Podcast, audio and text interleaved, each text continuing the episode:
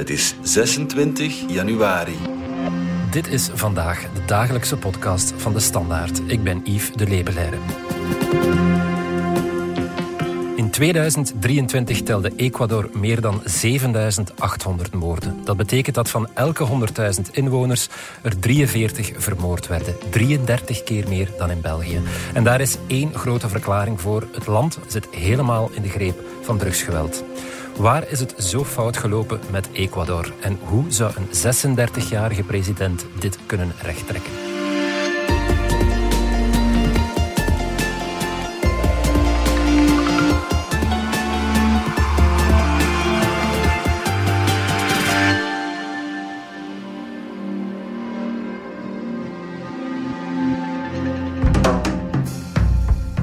Lore Del Putte, specialist Latijns-Amerika voor onze krant. Als het uh, fout gaat of goed gaat in Latijns-Amerika, dan halen we jou er uh, graag bij.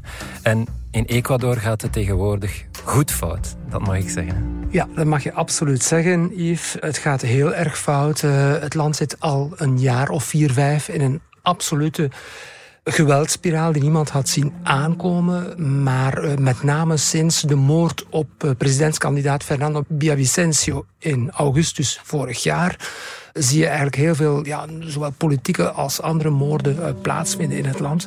En hebben we ondertussen ook een nieuwe president gehad. En dan hebben we kort na diens aantreden, begin januari, uiteraard die spectaculaire ontsnapping gehad uit de gevangenis in Guayaquil, grote havenstad van Fito drugsleider, waar we het denk ik dadelijk nog over zullen hebben. Ja.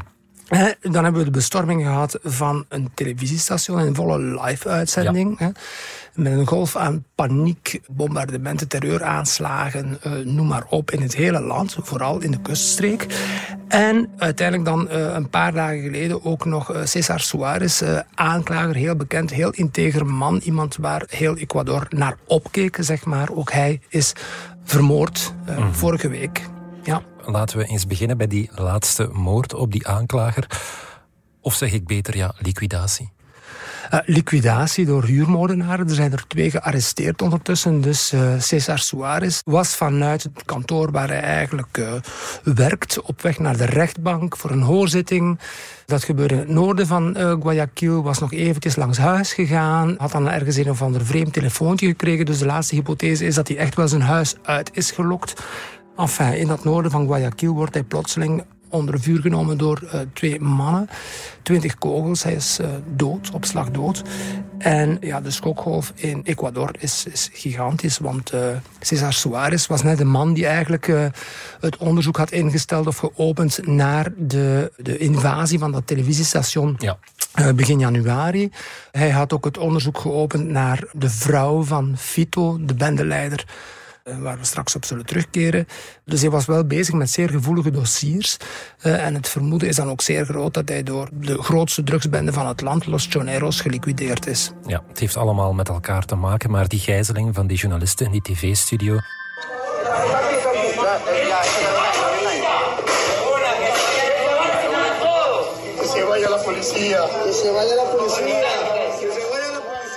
Die was live te volgen door iedereen in het land. Ik neem aan ging... dat dat feit wel de grootste impact heeft gehad bij de Wel, Ecuadoranen. Dat is natuurlijk, ja, dat is ook wereldwijd op tv geweest en zo. Dus daar hebben de Ecuadoranen toch het gevoel gekregen van er is een nieuwe grens overschreden. Dit Ja. hadden we nog nooit gezien. Een volle tv-uitzending, populaire zender, het programma, nieuwsprogramma El Noticiero, Después del Noticiero. En daar zie je dan dus een gewapende bende binnenvallen met, uh, met machetes, met machinegeweren, met uh, uh, granaten, dynamietstaven. En die lieden houden daar de voltallige tv-ploeg eigenlijk een half uur lang gegijzeld met tragische beelden. Mensen die smeken om in leven te mogen blijven. En diezelfde dag ja, zie je ook paniek aan universiteiten, zie je paniek in ziekenhuizen. Dus overal in en om Guayaquil zie je dat soort scènes. Hè.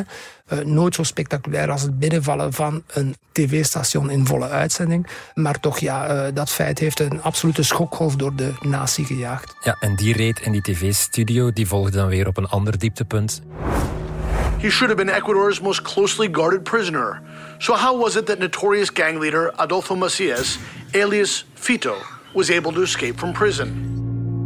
Je vermeldde het al, de ontsnapping van Fito, die ik de grootste drugsbaron van Ecuador mag noemen. Absoluut. Uh, Fito is een veertiger, 44 is hij. En hij is de leider van Los Choneros. Los Choneros is een bende die eigenlijk in touw is voor een Mexicaans kartel, het Sinaloa-kartel. Mhm. En Fito geldt als uh, de machtigste drugsbaas van Ecuador. Ja. Nu hij is ontsnapt, officieel staat hij gebrandmerkt als verdwenen. Maar iedereen gaat ervan uit dat hij echt wel ontsnapt is. En dus ergens, zich ergens schuilhoudt. Men heeft hem nog niet gevonden.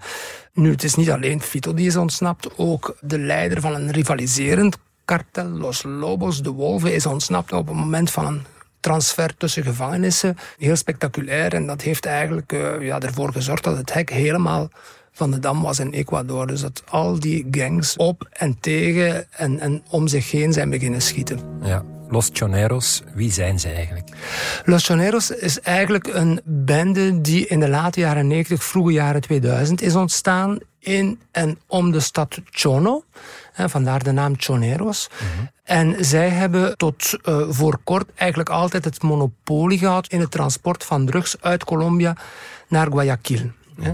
Ook aan Colombiaanse zijde had je een monopolie met de FARC-guerrilla. Nu, die FARC-guerrilla, daar is een akkoord mee gesloten. Die zijn in kleine stukjes opgesplitst mhm. geraakt. En aan de Ecuadoraanse kant heb je eigenlijk eenzelfde scenario waar die choneros ook opgesplitst geraken, dus met afscheuringen te maken krijgen en zo. Maar choneros, ja, die willen natuurlijk die oude machtspositie behouden, alleen dat lukt niet meer. Dus je ziet nu eigenlijk dat al die drugsbendes tegen elkaar opbieden. Maar Los Choneros zijn de machtigsten. En van die Choneros is Fito het opperhoofd. Ja. En je zei het al, niet alleen Fito is ontsnapt, maar ook dus de drugsbaron, de baas Fabricio van het Colon, ja. kartel. Mhm. Dat is waarschijnlijk geen toeval, net nu er ook een nieuwe president in Ecuador is. Nee, en ik denk dat het heel hard de bedoeling is van die jongens om de nieuwe president te testen. Mhm. De president eh, Noboa dus is verkozen op een platform van maximale veiligheid. Ja. Hij heeft gezegd van ik ga nieuwe gevangenissen bouwen. We gaan korte metten maken met de drugskartels. Hij heeft heel veel verkiezingsbeloften gedaan. En nu heb ik de indruk uh, dat de drugskartels zelf zeggen van jongen, toon eens wat je waard bent. En uh, we gaan jou even testen. Eigenlijk wel. Ik heb het gevoel dat mm. de drugskartels ja, Noboa een beetje te kijk willen zetten. En tegelijkertijd van uh, zijn ja, relatieve gebrek aan ervaring gebruik willen maken, misbruik willen maken om nieuwe posities te veroveren op het terrein van de narcotrafiek, uh, maar misschien ook wel binnen de staat, want er is natuurlijk een hele grijze zone tussen de Ecuadoraanse staat en de drugstrafikanten, waar eh, heel veel officieren, eh, rechters, politieagenten, noem maar op, cipiers ook corrupt blijken. Dus ik denk dat het daar gaat om een soort van herpositioneren in het licht van dat kersverse aantreden van de jonge, onervaren nieuwe president. Ja, en hoe kunnen die twee drugsbazen eigenlijk zo makkelijk ontsnappen? Want je zou toch verwachten dat die in extra beveiligde gevangenissen zitten? Dat zou je verwachten. In de realiteit is dat niet echt zo. Extra beveiligd is maar hoe je het bekijkt. Die gevangenissen worden natuurlijk wel een beetje bewaakt door de staat en zo. Maar bewaakt door uh, meestal slecht betaalde uh, cipiers. Dat gecombineerd met de grote omkoopbaarheid van het gevangenispersoneel, dat heel weinig verdient, maakt dat, uh, zeker gemeten aan uh, de financiële slagkracht van de fito's van deze wereld, het eigenlijk relatief gemakkelijk is voor kerels als hij om te ontsnappen. Althans, dat is wat ik mij ervan voorstel. Het doet mij een beetje denken aan Pablo Escobar, de Colombiaanse drugsbaron uit de jaren 80, die eigenlijk gewoon zijn eigen gevangenis runde. Ja, ja, ja, inderdaad. Mij deed het ook een beetje aan denken. Ik dacht van, oké, is de nieuwe Escobar opgestaan toen ik het hoorde. Nu ja, Colombia en Ecuador zijn toch twee verschillende realiteiten. Fito is, is meer een transporteur van drugs. Uh, Escobar was meer een producent en verhandelaar. Misschien licht andere profielen. Maar zeker uh, als je kijkt naar het, het, het, spektakelgehalte van het geweld en zo. En als je mm -hmm. kijkt naar hoe Guayaquil er vandaag aan toe is. Mij doet het inderdaad wel denken aan het Medellin van de vroege jaren negentig. Ja. Absoluut wel, ja. En het punt is dat Fito kennelijk ook heer en meester was in zijn eigen gevangenis. Dus La, La Regional in Guayaquil. Ook dat doet een klein beetje denken aan Medellin en het Medellin uh, van Escobar, zei het dat het gevangeniswezen in Colombia nog iets helemaal anders is dan in Ecuador. In Ecuador worden de gevangenissen echt door bendes gerund. En ik heb ook niet het gevoel dat waar Fito zat, dat het daar een kathedraal was. Zoals de gevangenis van Escobar werd genoemd. Hè, met eigen zwembad, radiostudio en weet ik uh, wat er allemaal niet aan zat. Zo luxueus zal het bij Fito niet geweest zijn. Maar hij was wel uh, heer en meester. En dat is toch wat ik erover lees in de meeste analyses van de gevangenis waar hij zat. Dus hij had echt wel ja, misschien niet het allerlaatste woord, maar uh, hij had heel veel macht en genoeg macht om te kunnen ontsnappen. Je hebt het over Escobar, dan zitten we in Colombia. Ikzelf associeer drugskartels met Colombia, ook wel Mexico. Hoe is Ecuador ja, zo in die greep geraakt van drugsbendes? Hoe is dat daar gekanteld in die regio? Eigenlijk zijn er heel veel factoren die dat fenomeen verklaren. Een van de grote factoren, om dan toch weer over Colombia te spreken, is dat Colombia de voorbije 20, 30 jaar toch serieus aan zijn staat gewerkt heeft mhm. en de staatse instellingen op vrij indrukwekkende wijze uh, versterkt heeft. Hè, wat maakt dat de Colombiaanse havens, Barranquilla, Cartagena, Turbo, Santa Marta, die worden vandaag veel beter bewaakt, die zijn beter beveiligd, die zijn met betere apparatuur geoutilleerd. Moeilijker om de drugs vandaar te exporteren. Inderdaad, het is dus gewoon voor de drugskartels moeilijker geworden om de drugs daar aan te exporteren richting Europa of de VS. En dan hebben de kartels gezocht naar nieuwe opportuniteiten. Nu, Guayaquil speelde al een beetje die rol, omdat het ook niet zo ver ligt van Zuid-Colombia, groot productiegebied voor coca. hè. Mhm. Ecuador heeft natuurlijk ook zijn eigen munt laten varen, de sucre. Die is vervangen door de dollar. Hè, wat maakt dat het land eigenlijk veel makkelijker in het internationale, aan het internationale geldcircuit kan uh, deelnemen. Wat het voor buitenlandse bendes, zoals de Albanese maffia, die daar ook is neergestreken, uh, relatief makkelijker maakt om daar eigenlijk handel te drijven, drugshandel. Het feit ook dat je in Ecuador een president gehad hebt, uh, Rafael Correa, die trouwens in België zit, een Belgische ballingschap, hè, is in Ecuador Ecuador veroordeeld voor corruptie. Mm heeft die veroordeling aangevochten, die is erkend geraakt. Dus Rafael Correa zit hier, maar onder zijn beleid, grosso modo tien jaar geleden, 10, 15 jaar geleden, heeft hij eigenlijk een, een redelijk linkspopulistische politiek gevoerd. Heel anti-imperialistisch. En wat heeft Rafael Correa gedaan? Hij heeft de VS weggestuurd uit de VS-basis in Ecuador, Manta. Zij voerden anti-narcotica-vluchten uit, radarsystemen en noem maar op, allemaal afgeschaft. Ook de samenwerking met het Amerikaanse Drugs Enforcement Agency is op een lager pitje gezet.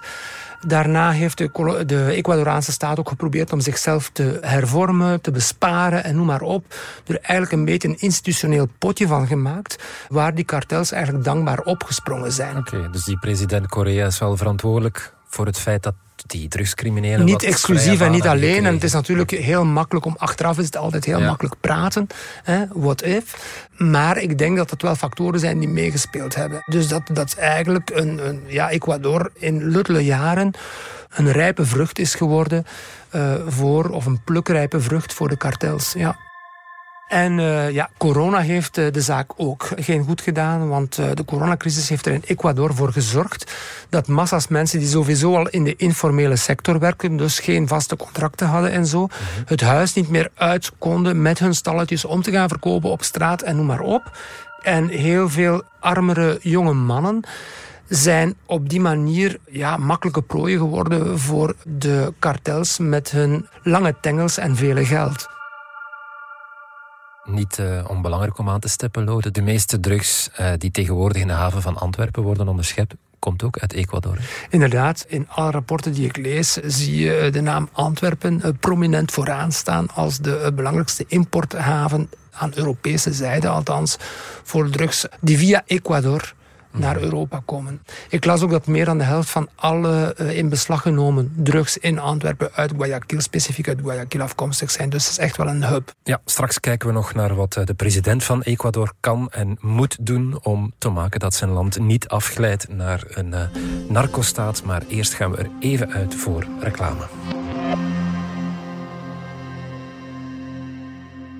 Gaat in het begin van het nieuwe jaar jouw autohart ook altijd sneller kloppen? Je wil gaan kiezen en de beste deals niet uit het oog verliezen? Kom dan naar een van de 35 Hedin Automotive Showrooms en ontdek al onze vertrouwde, maar ook onze verrassend nieuwe merken tijdens de Hedin Autovest maanden. Al onze merken geven u onvoorwaardelijk de allerbeste voorwaarden. Meer info op hedenautomotive.be. Heden Automotive. More for you.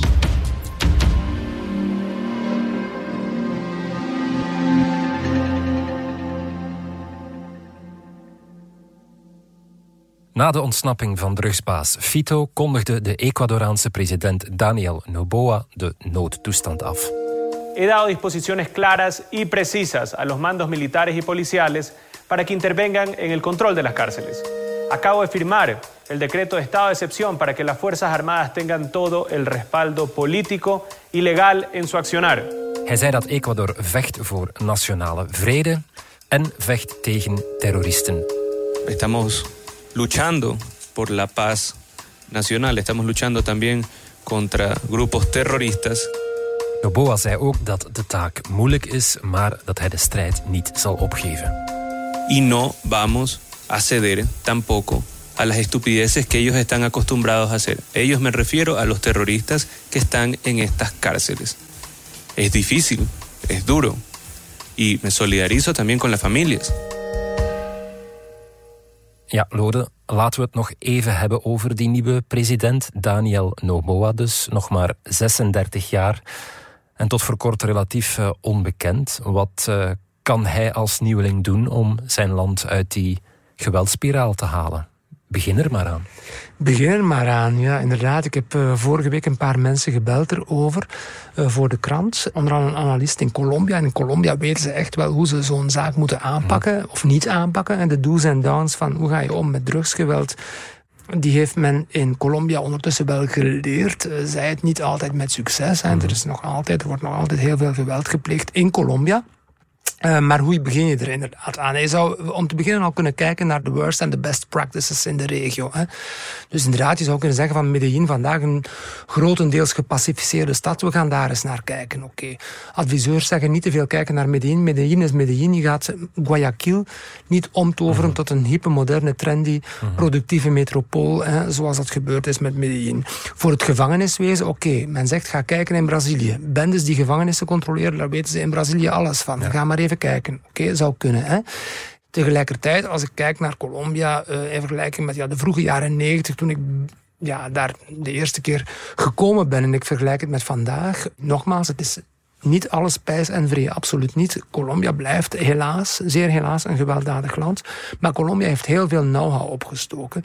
En ik denk dat Ecuador daar, aangezien het toch ja, de twee landen moeten samenwerken, veroordeeld tot samenwerking, hè, uh, veel van elkaar kunnen leren. En dat met name Noboa heel veel kan leren van wat Colombia heeft gedaan. Dus ik zou zeker eventjes leentje buur gaan spelen, ook om de slechte voorbeelden van Colombia niet na te uh, ja, doen. Maar um, heel concreet, hij heeft, heeft nu de wel, noodtoestand ja, afgeroepen. Voilà, de oorlog verklaard aan die de drugsbendes. oorlog verklaard ja. aan de drugsbendes. Maar ja, goed, hij zit met een leger dat, dat, dat ja, meer geprofessionaliseerd moet worden, minder corrupt moet worden. Je ziet ook dat een aantal generaals eigenlijk narco-generaals gebleken zijn. Oh ja. Je ziet dat mensen binnen de Ecuadoraanse luchtmacht aangehouden zijn. Ik denk een twintigtal, een paar maanden geleden... voor het uh, actief uh, saboteren van radars en satellietsystemen... waarmee drugstransporten werden gemonitord. Bon, hè. Uh, dus dat leger moet je ook ja, betrouwbaar maken. Dat betekent dat er ook nog een, een, ja, een soort met uitzuivering plaats moet vinden. Dus hij heeft heel veel werk aan de winkel. Uh, ik zou ook niet weten waar eerst begonnen als ik hem was. Uh, maar het, is, het wordt een ongelooflijk heikele klus, absoluut wel, ja. Je hebt ook al verwezen naar uh, Bukele, de president van El Salvador. Mm -hmm. Noboa, de president van Ecuador, heeft ook uitdrukkelijk blijkbaar naar hem verwezen als voorbeeld. Inderdaad, en dat doen alle uh, nieuwe leiders en alle kandidaten aan de rechterzijde in Zuid-Amerika vandaag ook, ook omdat zij weten dat die Bukele in eigen land in El Salvador razend populair is. Ik merk ook als ik met jonge Zuid-Amerikanen hier in Brussel praat, dat zij ook een bepaald soort ja, een fascinatie hebben voor Bukele. Mm -hmm. Bukele is zeer autoritair. Ja. Hij is de democratische rechtsstaat tegen sneltreinvaart aan het afbouwen. Dat is de prijs uh, die El Salvador maar, betaalt. maar El Salvador is ondertussen wel weer een veilig land. Zij dat 2% van de bevolking achter de tralies zit. Hij heeft nieuwe maximale veiligheidsgevangenissen uh, gebouwd. Dus dat gaat er allemaal lekker in bij de publieke opinie. Tegelijkertijd, dat soort oplossingen kan nooit een, een, duurzame oplossing zijn. Nee, ja. uh, en alle uh, specialisten zeggen eigenlijk tegen Oboa... Ja, ga niet te hard kijken bij Bukele, want El Salvador is ook een heel andere context. De bendes zijn een ander soort bendegeweld dan in Ecuador. Dus uh, ga vooral Bukele niet imiteren. Maar de verleiding is groot, dat voel je. Op het politieke vlak is de verleiding groot om minstens zijn naam te noemen en minstens even te gaan kijken. Hoe groot is het uh, risico op een ja, verdere spiraal van geweld? Want als je als overheid ook de oorlog verklaart aan drugsbendes, dreigen er volgens mij nog meer. En dat is ook wat in Mexico is gebeurd. En ja. Calderon heeft een, een, twintigtal jaar geleden de oorlog verklaard aan de bendes, het land uh, gemilitariseerd en sindsdien is, is Mexico totaal afgegleden. Hè. Vroeger was Colombia het absoluut gewelddadigste land mm -hmm. in Latijns-Amerika. Mexico is heel hard de Colombiaanse kant opgegaan op het moment dat de Mexicanen besloten hebben om de oorlog tegen de drugs te militariseren. Dus uh, een ideale oplossing is het absoluut niet. En nogmaals, als Noboa kijkt naar de do's en downs, dan denk ik niet dat Mexico een goed voorbeeld is.